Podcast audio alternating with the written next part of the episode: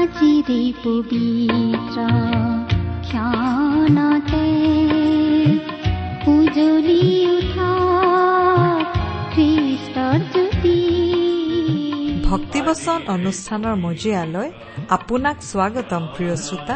ভক্তিবচন অনুষ্ঠানত আপোনাক পুনৰ লগ পাই আমি নথৈ আনন্দিত। আশা কৰো এই অনুষ্ঠানত প্ৰচাৰ হোৱা বাক্যসমূহে আপোনাৰ ব্যক্তিগত জীৱনত অলপ হলেও সহায় কৰিছে। ঈশ্বৰ এগৰাকী সৰ্বশক্তিশালী ব্যক্তি। তেওঁ পৃথিৱী আকাশমণ্ডল আৰু সৌৰজগতৰ সকলোকে নিজৰ ইচ্ছাৰে আৰু পৰাক্ৰমেৰে শৃংখলাবদ্ধভাৱে স্থিৰ কৰি থৈছে। তেওঁ প্ৰতিটো বিষয়কে একো একোটা নিয়মৰ অৰ্থাৎ নিজ নিজ সীমাৰ অন্তৰ্ভুক্ত কৰি ৰাখিছে। সেইকাৰণে সকলোবোৰ সুন্দৰকৈ চলি আছে। সেইবোৰৰ এটা বিষয়েও যদি নিজ নিয়মক চেৰাই যাবলৈ ধৰে তেন্তে সকলোবোৰ খেলি মেলি অৰ্থাৎ ধ্বংস হ'ব। আমাৰ জীৱনবোৰো তেনেকুৱা। আপোনাৰ মোৰ জীৱনটোকো ঈশ্বৰে বৰ সুন্দৰকৈ শৃংখলাবদ্ধভাৱে মংগলৰ আঁচনিৰে সজাই ৰাখিছে। ঈশ্বৰৰ পৰাক্ৰমী সুৰক্ষাৰ তলত আপোনাৰ জীৱন সদায় সুৰক্ষিত। তেওঁত আশ্ৰয় ললে আপুনি জীৱনৰ প্ৰকৃত আনন্দ বিচাৰি পাব। তেওঁৰ বাক্যই আপোনাক তেওঁৰ বিষয়ে আৰু অধিককৈ জানিবলৈ সহায় কৰাৰ আশাৰে এয়া আপোনালৈ আগবঢ়াইছো পবিত্ৰ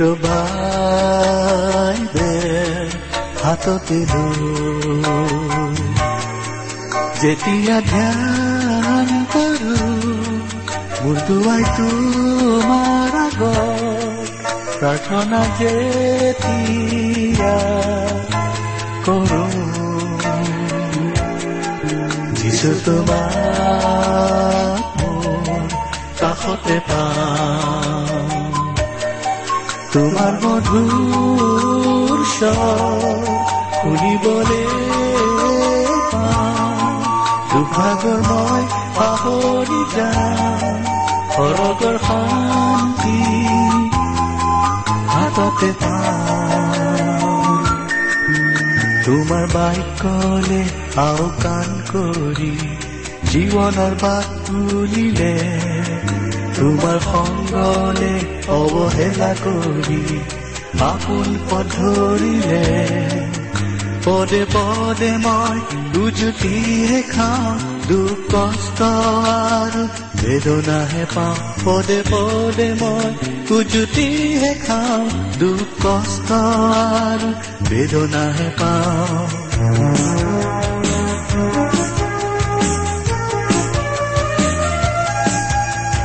ভিতৰৰ সুৰতে সুৰ মিলাই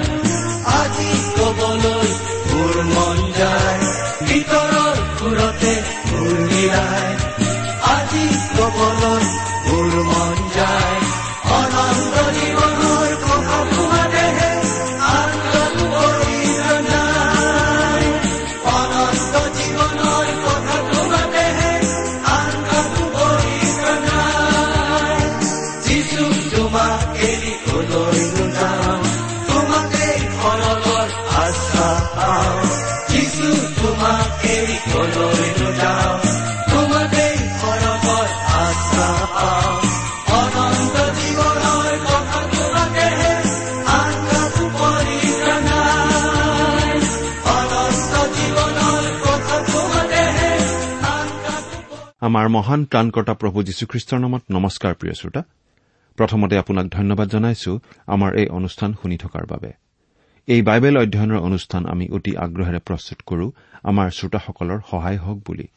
যদিও এই কামৰ বাবে আমি নিজকে উপযুক্ত বুলি নাভাবো। কিন্তু আমাৰ মহান ত্ৰাণকৰ্তা প্ৰভু যীশুখ্ৰীষ্টৰ বাণী প্ৰকাশ কৰাৰ যি দায়িত্ব সেই দায়িত্বৰ প্ৰতি সঁহাৰি দিবলৈ চেষ্টা কৰিয়েই আমি আজিলৈকে এই কাম কৰি আছো। এই কাম কৰাত কিমান দূৰ সফল হৈছো তাৰ বিচাৰ আপোনালোকৰ হাতত। অনুগ্ৰহ কৰি এই অনুষ্ঠান সম্বন্ধে আপোনালোকৰ মতামত আমাক চিঠিৰে জনাবনে? অনুগ্ৰহ কৰি আজিয়ে দুখাৰ ইমান চিঠি লিখি পঠিয়াবচোন। আহকচোন আজিৰ বাইবেল অধ্যয়ন আৰম্ভ কৰাৰ আগতে খন্তেক প্ৰাৰ্থনাত মূৰ দুৱাওঁ। আমি প্ৰাৰ্থনা কৰো। স্বৰ্গত থকা আমাৰ অসীম দয়ালু মৰমীয়াল পিতৃ ঈশ্বৰ তোমাক ধন্যবাদ জনাওঁ কাৰণ তোমাৰ বাক্য অধ্যয়ন কৰি তোমাৰ মাত শুনিবলৈ তোমাক ওচৰৰ পৰা লগ পাবলৈ এই সুন্দৰ সময় এই সুন্দৰ সুযোগ তুমি আমাক দান কৰিলা। প্ৰাৰ্থনা কৰিছো। এই অনুষ্ঠান শুনি থকা আমাৰ মৰমৰ শ্ৰোতাসকলৰ কাৰণে। তেওঁলোকক তুমি বিশেষভাৱে আশীৰ্বাদ কৰা। তেওঁলোকৰ জীৱনত তোমাৰ অনুগ্ৰহৰ আশীৰ্বাদ উপচি পৰিবলৈ দিয়া। আমাৰ প্ৰত্যেককে তোমাৰ স্পষ্ট মাত শুনিবলৈ দিয়া। কিয়নো এই প্ৰাৰ্থনা ক্ৰুচত আমাৰ হকে প্ৰাণ দি আমাৰ পৰিত্ৰাণৰ পথ প্ৰস্তুত কৰা মৃত্যুঞ্জয়ী প্ৰভু যীশুখ্ৰীষ্টৰ নামত আগবঢ়ালো। আমেন।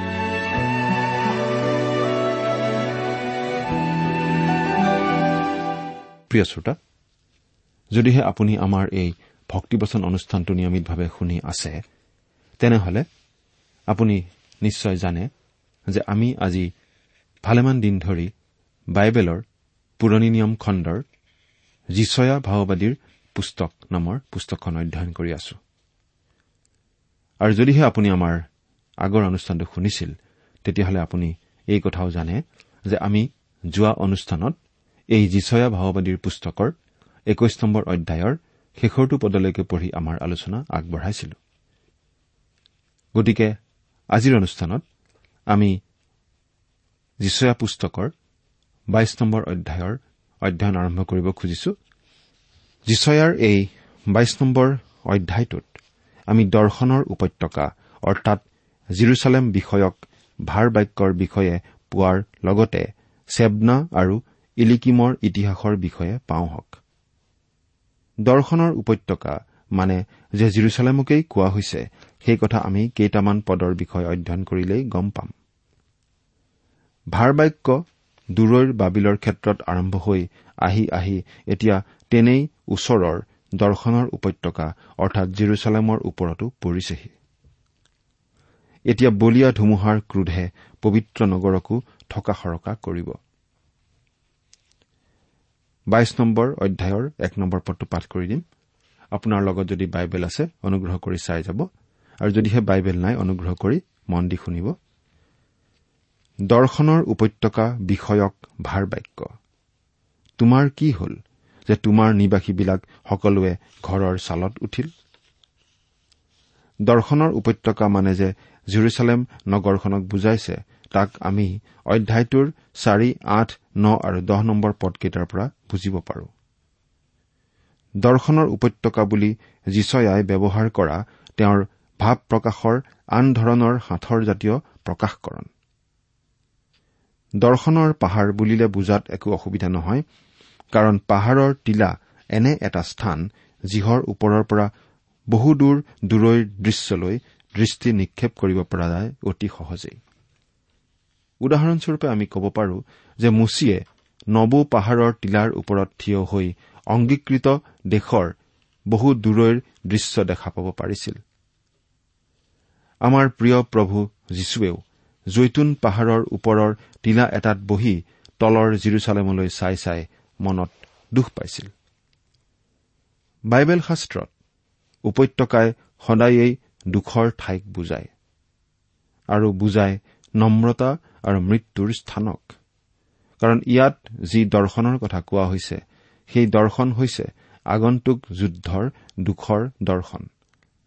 এই উপত্যকা বা জিৰচালেম নগৰখন সেই দৰ্শন দেখা পাবৰ নিমিত্তে উপযুক্ত স্থান। কৌতূহল আৰু ভয়ে মানুহখিনিক তেওঁলোকৰ ঘৰৰ ছালৰ ওপৰলৈকে লৈ গৈছিল যাতে নগৰৰ ফালে অগ্ৰসৰ হোৱা মহা বিপদখিনি তেওঁলোকে কিছু আগতীয়াকৈ দেখা পাব পাৰে। ওচৰীয়াসকলে জিৰচালেম হাত কৰাৰ বিষয়ে যিচয়া ছয়ত্ৰিশ আৰু সাতত্ৰিশ নম্বৰ অধ্যায়ত চাওক। শেষৰ কালত জিৰচালেম দখল কৰাৰ কালত ঘৰৰ ছালৰ ওপৰৰ পৰা নামি প্ৰাণ লৈ পলাবলৈ প্ৰভু যীশুৱে আদেশ দি থৈছে। মুঠি চৌব্বিছ অধ্যায় ষোল্ল আৰু সোতৰ পদ। সেইদিন আহি আছে। বাইশ নম্বৰ অধ্যায়ৰ দুই নম্বৰ পদৰ পৰা চাৰি নম্বৰ পদত আমি এনেদৰে পাওঁ। হে উচ্চ ধনীৰে পূৰ্ণা কৌতূহলকাৰিণী নগৰী হে উল্লাসপ্ৰিয়া পুৰী তোমাৰ হতবিলাক তৰোৱালেৰে হত হোৱা নাই বা যুঁজতো মৰা নাই তোমাৰ সেনাপতিবিলাক একেলগে পলাই গলত তেওঁলোকক ধনুৰ্ধৰ লোকৰ দ্বাৰাই বন্ধ কৰা হল। তোমাৰ লোকসকলৰ মাজৰ যিসকলক পোৱা গ'ল তেওঁলোকক একেলগে বন্ধ কৰা হল। তেওঁলোক দূৰলৈ পলাইছিল। এই নিমিত্তে মই কওঁ তোমালোকে মোৰ পৰা আনফাললৈ চকু দিয়া। মই অতি সন্তাপেৰে ক্ৰদন কৰিম। মোৰ প্ৰজাস্বৰূপা জীয়াৰীৰ সৰ্বনাশৰ নিমিত্তে মোক সান্তনা কৰিবলৈ যত্ন নকৰিবা। প্ৰিয় শ্ৰোতা এই নিমিত্তে মই কওঁ মোক সান্তনা দিবলৈ যত্ন নকৰিবা বুলি কোনে কৈছে বাৰু? জিৰচালেম নগৰখনে? নে যিচয়া ভাৱবাদীয়ে?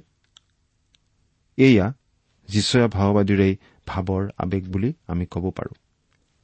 ভাৱবাদীগৰাকী অতি আৱেগিক হৈ পৰাৰ কথা আমি ইয়াৰ আগতেও পাই আহিছো। জিৰচালেমৰ যে বৰ দুখ হ'ব ইয়াৰ পৰাই আমি বুজি পাব পাৰোঁ। ইয়াত মোৰ প্ৰজাস্বৰূপা জীয়াৰী বুলি ইছৰাইলৰ সন্তানসকলকেই কোৱা হৈছে। বাইশ নম্বৰ অধ্যায়ৰ পাঁচ নম্বৰ পদৰ পৰা দহ নম্বৰ পদ পাঠ কৰি দিম শুনিবচোন।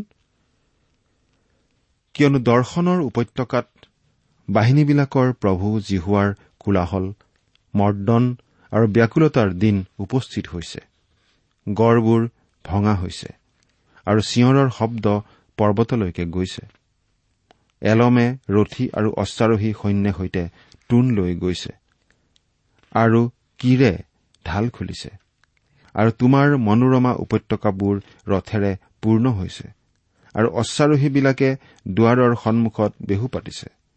তেওঁ জিহুদাৰ উৰণি গুচালে। আৰু সেইদিনা তুমি কাঠনিৰ গৃহৰ অস্ত্ৰ শস্ত্ৰলৈ দৃষ্টি কৰিলা। তুমি ডায়ুদৰ নগৰৰ ভগা চিগা ঠাইবোৰলৈ চালা। কিয়নো সেইবোৰ অনেক আছিল। তোমালোকে তল পুখুৰীৰ পানীখিনি গোটালা। তোমালোকে জিৰচালেমৰ ঘৰবোৰ লেখ কৰিলা আৰু নগৰৰ গড় সুদৃঢ় কৰিবৰ নিমিত্তে তাৰ কোনো কোনো ঘৰ ভাঙি পেলালা। প্ৰিয় শ্ৰোতা আমি দ্বিতীয় বংশাৱলী বত্ৰিশ নম্বৰ অধ্যায়ত পাওঁ যে হিচকিয়া ৰজাই আচলতে জিৰচালেম নগৰখনক এই পতনৰ পৰা ৰক্ষা কৰিবলৈ আগতীয়া ব্যৱস্থা হাতত লৈছিল। এই ক্ষেত্ৰত তেওঁ কৰা এটি উল্লেখনীয় কাম আছিল জলৰ ভুমুকটোৰ চাৰিওফালে দেৱাল নিৰ্মাণ কৰা যে নগৰখনৰ মানুহবিলাক পানীৰ অভাৱত নপৰে। এই দেৱাল হেনো আজিও আছে। হিচকিয়া ৰজাই দেৱালখন বন্ধাইছিল ভাৱবাণীৰ লগে লগেই জিৰচালেমৰ পতন ঘটিব বুলি ভাবি। কিন্তু এই ভাৱবাণী তেতিয়াও সিদ্ধ হোৱা নাছিল। পাছলৈ যিবিলাক শত্ৰুৱে জিৰচালেম আক্ৰমণ কৰিছিল তেওঁলোক আছিল অৰামিয়া ওচৰীয়া বাবিলিয়া আৰু এনেকি নিজৰেই সহোদৰ ভাই বংশৰ উত্তৰৰ ইছৰাইল ৰাজ্য। এয়াই হৈছে জিৰচালেমৰ ভাৰ বাক্য কিন্তু এনে অমংগলীয়া ভাৱবাণী পাই জিৰচালেমে কৰিব লাগিছিল কি কিন্তু কৰিছিল কি তাক এঘাৰ নম্বৰ পদৰ পৰা চৈধ্য নম্বৰ পদলৈ পোৱা যায় এনেদৰে। তোমালোকে পুৰণি পুখুৰীৰ পানীৰ নিমিত্তে গড় দুটাৰ মাছ ঠাইত এটি পুখুৰীও কৰিলা। কিন্তু যিজনাই এই ঘটনা ঘটালে সেইজনালৈ তোমালোকে চকু নিদিলা। নাইবা যিজনাই বহু কালৰে পৰা ইয়াক কল্পনা কৰিলে তেওঁলোকলৈ দৃষ্টি নকৰিলা। আৰু সেইদিনা বাহিনীবিলাকৰ জিহুৱা প্ৰভুৱে ক্ৰদন কৰিবলৈ বিলাপ কৰিবলৈ মূৰ টকলা কৰিবলৈ আৰু চট কাপোৰ কঁকালত বান্ধিবলৈ আহান কৰিলে। কিন্তু চোৱা আমোদ প্ৰমোদ গৰু গাধ ভেড়া হত্যা মাংসভোজন আৰু দ্ৰাক্ষাৰস পান কৰাহে চলিছে। তেওঁলোকে কয় আহা আমি ভোজন পান কৰো হওক কিয়নো কাইলৈ মৰিম। বাহিনীবিলাকৰ জিহুৱাই মোৰ আগত এই বাক্য প্ৰচাৰ কৰিলে তোমালোক নমৰালৈকে তোমালোকৰ এই অপৰাধ ক্ষমা কৰা নহ'ব। এইয়ে বাহিনীবিলাকৰ জিহুৱা ঈশ্বৰৰ বচন। তোমালোক নমৰালৈকে তোমালোকৰ এই অপৰাধ ক্ষমা কৰা নহ'ব। এয়া ঈশ্বৰ জিহুৱাৰ কঠোৰতম মনোভাৱ যেন লগা নাইনে বাৰু? হয় ই অতি কঠোৰ মনোভাৱ হৈছে কিন্তু কাৰ অপৰাধত? মানুহে অপৰাধ কৰি থাকিব আৰু প্ৰেমময় ঈশ্বৰে প্ৰেম কৰি কৰি অপৰাধ ক্ষমা কৰি থাকিব লাগিবনে? পবিত্ৰ আৰু ন্যায়বান ঈশ্বৰৰ কোনো নীতি থাকিব নালাগিব নেকি? ঈশ্বৰ প্ৰেমময় ঠিকেই কিন্তু তেওঁ পবিত্ৰ ন্যায়বান আৰু ধাৰ্মিক ঈশ্বৰো হয়। অপৰাধী মানুহে পাপ অপৰাধৰ পৰা পালতিলে প্ৰেমময় ক্ষমাময় ঈশ্বৰৰ পৰা ক্ষমা লাভ কৰাৰ নিশ্চয়তা পায়ো। সেই সুযোগ গ্ৰহণ নকৰা অবাধ্য অপৰাধী মানুহৰ অপৰাধৰ সৈতে তেওঁ কোনো আপোচ নকৰে। সেইকাৰণেই এয়া ঈশ্বৰৰ কঠোৰতম সতৰ্কবাণী এতিয়া আমি পোন্ধৰ নম্বৰ পদৰ পৰা চেবনা আৰু ইলিয়াকিমৰ সম্পৰ্কে চমু ইতিহাস পাম। জিৰচালেম বিষয়ক ভাৰ বাক্য দিয়াৰ মাজতে এইদৰে চেবনা আৰু ইলিয়াকিমৰ ইতিহাস দিয়াটো বাস্তৱিকতেই মন কৰিবলগীয়া কথা। বহুতে চেবনাক খ্ৰীষ্ট বিৰোধীজনৰ ৰূপত দেখা পায়। আনহাতে যিজনৰ হাতত খ্ৰীষ্ট বিৰোধীজন শেষৰ কালত বিধ্বস্ত হ'ব ইলিয়াকিমক সেইজনা প্ৰভু যীশুখ্ৰীষ্টৰ ৰূপত দেখা পায়। বাইশ নম্বৰ অধ্যায়ৰ পোন্ধৰ নম্বৰ পদ। বাহিনীবিলাকৰ জিহুৱা প্ৰভুৱে এইদৰে কৈছে চোৱা সেই ধনৰ বিষয়াটোৰ ওচৰলৈ ঘৰৰ অধ্যক্ষ সেই চেবনাৰ গুৰিলৈ গৈ কোৱা ইয়াত তোমাৰ কি আছে? চেবনা আছিল বিত্তীয় বিভাগৰ লিখক।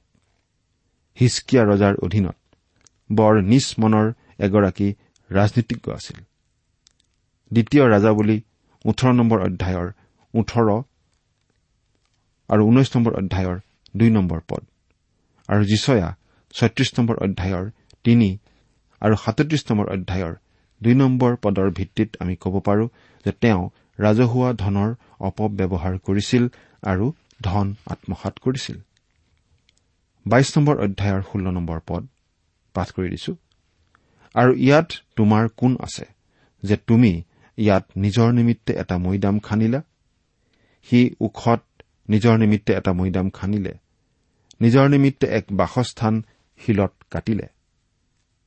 চেবনাই নিজৰ নিমিত্তে এখন মৈদাম প্ৰস্তুত কৰিছিল নিজৰ সোঁৱৰণ মানুহৰ মাজত স্থায়ী কৰি থৈ যাবলৈ। কিন্তু সোতৰ আৰু ওঠৰ নম্বৰ পদ দুটা পঢ়ি আমি জানিব পাৰো যে তেওঁ নিজৰ কবৰ শিলত কটালেও আচলতে তেওঁ পৰদেশতহে কবৰস্থ হ'ব। পদ দুটা পাঠ কৰি দিছো শুনিবচোন। চোৱা জিহুৱাই বীৰৰ নিচিনাকৈ তোমাক অতি বলেৰে পেলাই দিব। এনেকি তেওঁ তোমাক মুচৰি পেলাব? তেওঁ অৱশ্যে তোমাক নুৰিয়াই ধূপৰ দৰে গোল কৰি বহল দেশত পেলাই দিব। তোমাৰ প্ৰভুৰ বংশক লাজ দিওঁতা যি তুমি তুমি সেই ঠাইত মৰিবা আৰু তোমাৰ তেজস্বী ৰথবোৰ তাত থাকিব। গতিকে চেবনাই নিজেই নিজৰ নাম চিৰযুগমীয়া কৰি যাব পাৰিব বুলি ভবা ভাৱটো ঈশ্বৰ জিহুৱাই পানী কৰি দিছিল। ঈশ্বৰবিহীন অহংকাৰী মানুহে এইদৰে নিজৰ স্বাৰ্থ পাঙে। কিন্তু সকলোৰে নিয়ন্ত্ৰণত থকা সৰ্বপৰাক্ৰমী ঈশ্বৰে মানুহৰ স্বাৰ্থপৰ পৰিকল্পনা ধূলিচ্ছাত কৰি দিব পাৰে। চেবনাৰ যুগত ঈশ্বৰবিহীন চেবনা যেনে আছিল? আজিৰ এই আধুনিক যুগৰ আধুনিক চেবনাহঁতৰো কথা একেটাই।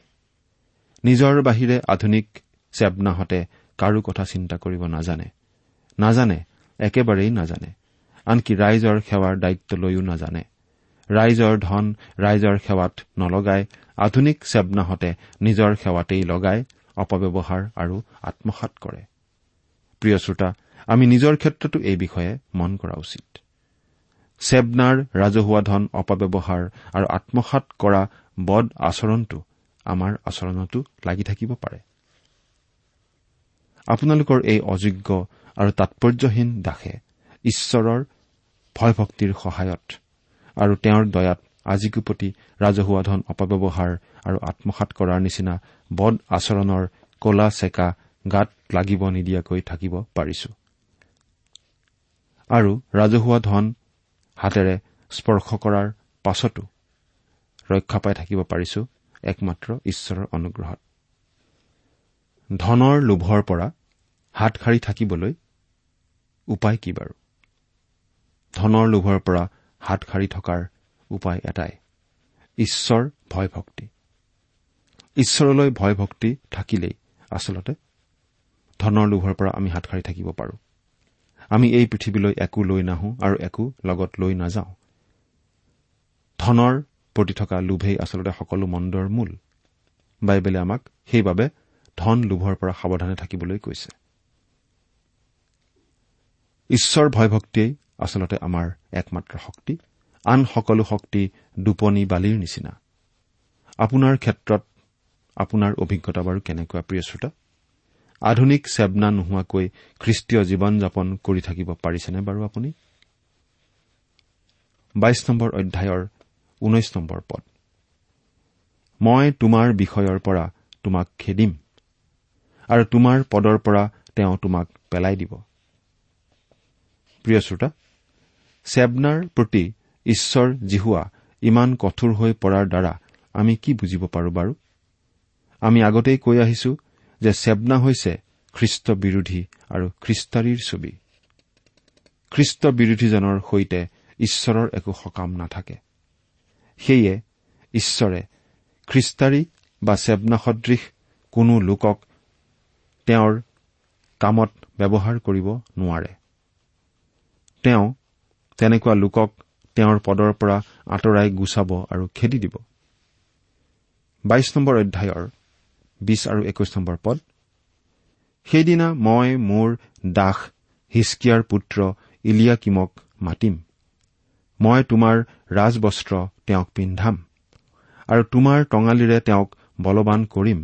মই তোমাৰ শাসনভাৰ তেওঁৰ হাতত অৰ্পণ কৰিম আৰু তেওঁ জিৰচালেম নিবাসীবিলাকৰ ও জিহুদা বংশৰ পিতৃস্বৰূপ হ'ব। ইলিয়াকিম আছিল চেবনাৰ উত্তৰাধিকাৰী ৰাজনীতিজ্ঞ ব্যক্তি। ইলিয়াকিম এগৰাকী নিস্বাৰ্থ ব্যক্তি আছিল। চেবনা আৰু ইলিয়াকিম সম্পূৰ্ণ বিপৰীত চৰিত্ৰৰ ব্যক্তি। জিচয়াই এই দুয়োগৰাকী সাঁথৰতকৈও বুজিবলৈ টান ব্যক্তিক একেলগে দেখুৱাইছে। দুয়ো দুয়োৰ পৰা সম্পূৰ্ণ বিপৰীত ব্যক্তি। চেবনাই খ্ৰীষ্টাৰী আৰু ইলিয়াকিমে খ্ৰীষ্টৰ ছবি দাঙি ধৰে। মই ডায়ুদৰ বংশৰ চাবিটো তেওঁৰ কান্ধত দিম। তাতে তেওঁ মেলিব কিন্তু কোনেও বন্ধ নকৰিব। আৰু তেওঁ বন্ধ কৰিব কিন্তু কোনেও নেমেলিব। এই পদটোৱে প্ৰকাশিত বাক্য তিনি নম্বৰ অধ্যায়ৰ সাত নম্বৰ পদত প্ৰভুৱে কোৱা এই কথা সোঁৱৰাই দিয়ে।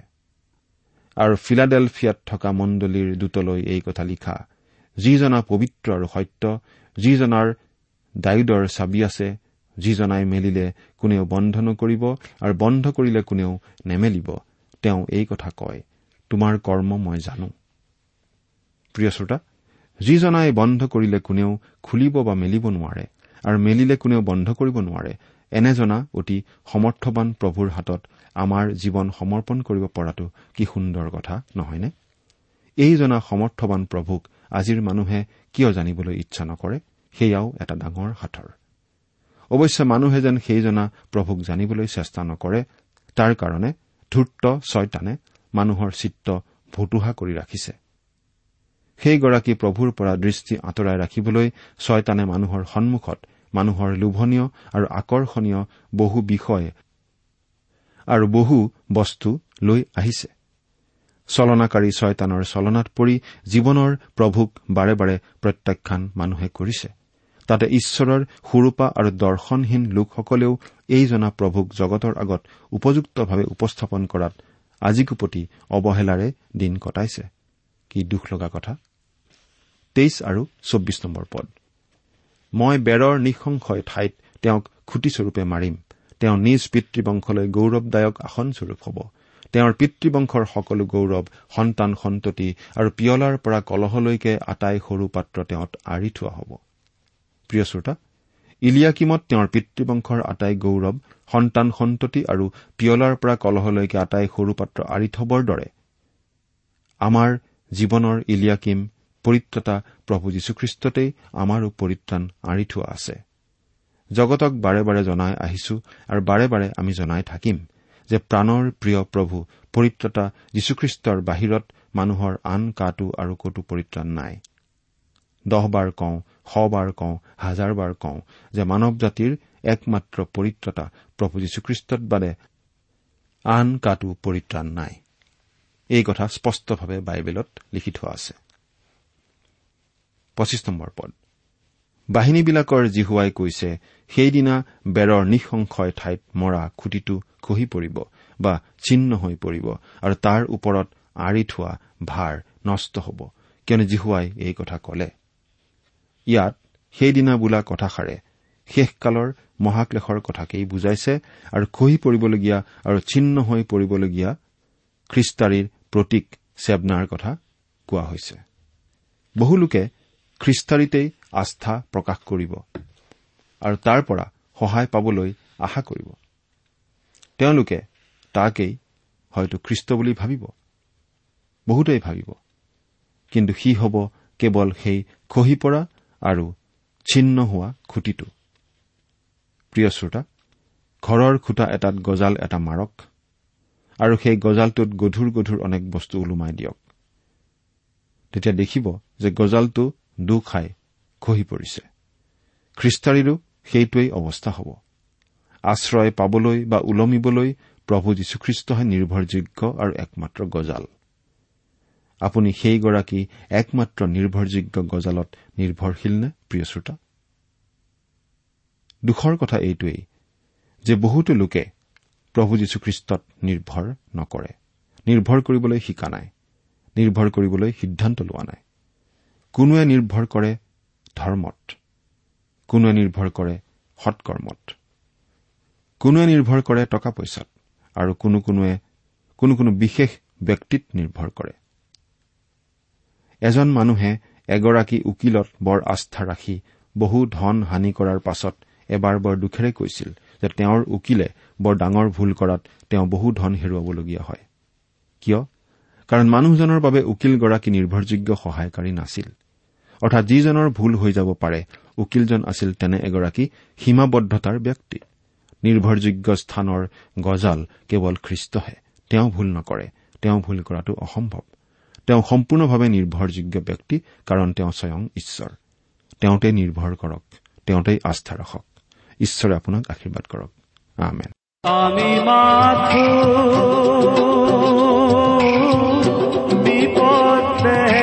প্ৰিয় শ্ৰোতা ইমান পৰে আপুনি বাইবেল শাস্ত্ৰৰ পৰা ঈশ্বৰৰ বাক্য শুনিলে। এই বিষয়ে আপোনাৰ মতামত জানিবলৈ পালে আমি নথৈ আনন্দিত হ'ম। আমি প্ৰস্তুত কৰা বাইবেল অধ্যয়নৰ চিডিসমূহ পাব বিচাৰিলে আৰু অনুষ্ঠানত প্ৰচাৰ কৰা কোনো কথা বুজিব লগা থাকিলেও আমালৈ লিখক। আমাৰ যোগাযোগৰ ঠিকনা ভক্তিবচন ট্ৰান্সৱৰ্ল্ড ৰেডিঅ' ইণ্ডিয়া ডাক বাকচ নম্বৰ সাত শূন্য গুৱাহাটী সাত আঠ এক শূন্য শূন্য এক। ঠিকনাটো আকৌ এবাৰ কৈছো ভক্তিবচন ট্ৰান্সৱৰ্ল্ড ৰেডিঅ' ইণ্ডিয়া ডাক বাকচ নম্বৰ সাত শূন্য গুৱাহাটী সাত আঠ এক শূন্য শূন্য এক। আমাৰ ইমেইল এড্ৰেছটো হৈছে Assamese T TV at the rate radio' eight eight two dot com. আমাৰ website W W W dot T W R dot in. আপুনি টেলিফোনৰ মাধ্যমেৰেও আমাক যোগাযোগ কৰিব পাৰে। আমাৰ টেলিফোন নম্বৰটো হৈছে nine eight five four zero' four zero' eight eight nine. Phone নম্বৰটো আকৌ এবাৰ কৈছো ন আঠ পাঁচ চাৰি শূন্য চাৰি শূন্য আঠ আঠ ন। আপুনি এই ভক্তিবচন অনুষ্ঠানটি আমাৰ website W W W dot radio' eight eight two dot কমতো শুনিব পাৰিব। আজিৰ অনুষ্ঠানটি ইমানতেই সামৰিছো। ঈশ্বৰৰ শান্তি আৰু অনুগ্ৰহ আপোনাৰ লগত থাকক। ধন্যবাদ। কান্দারি তুমি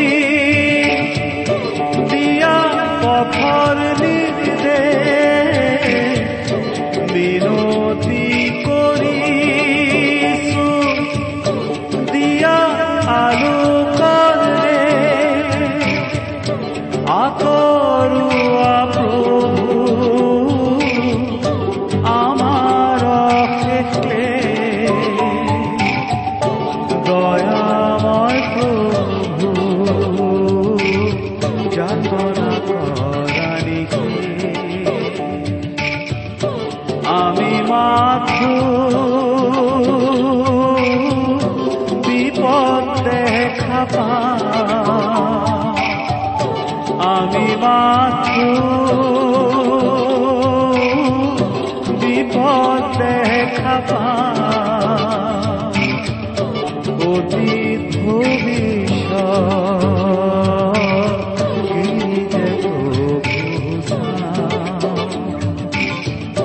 বথা নাই যে ভাঙা আমার বথা নাই যে ভাঙা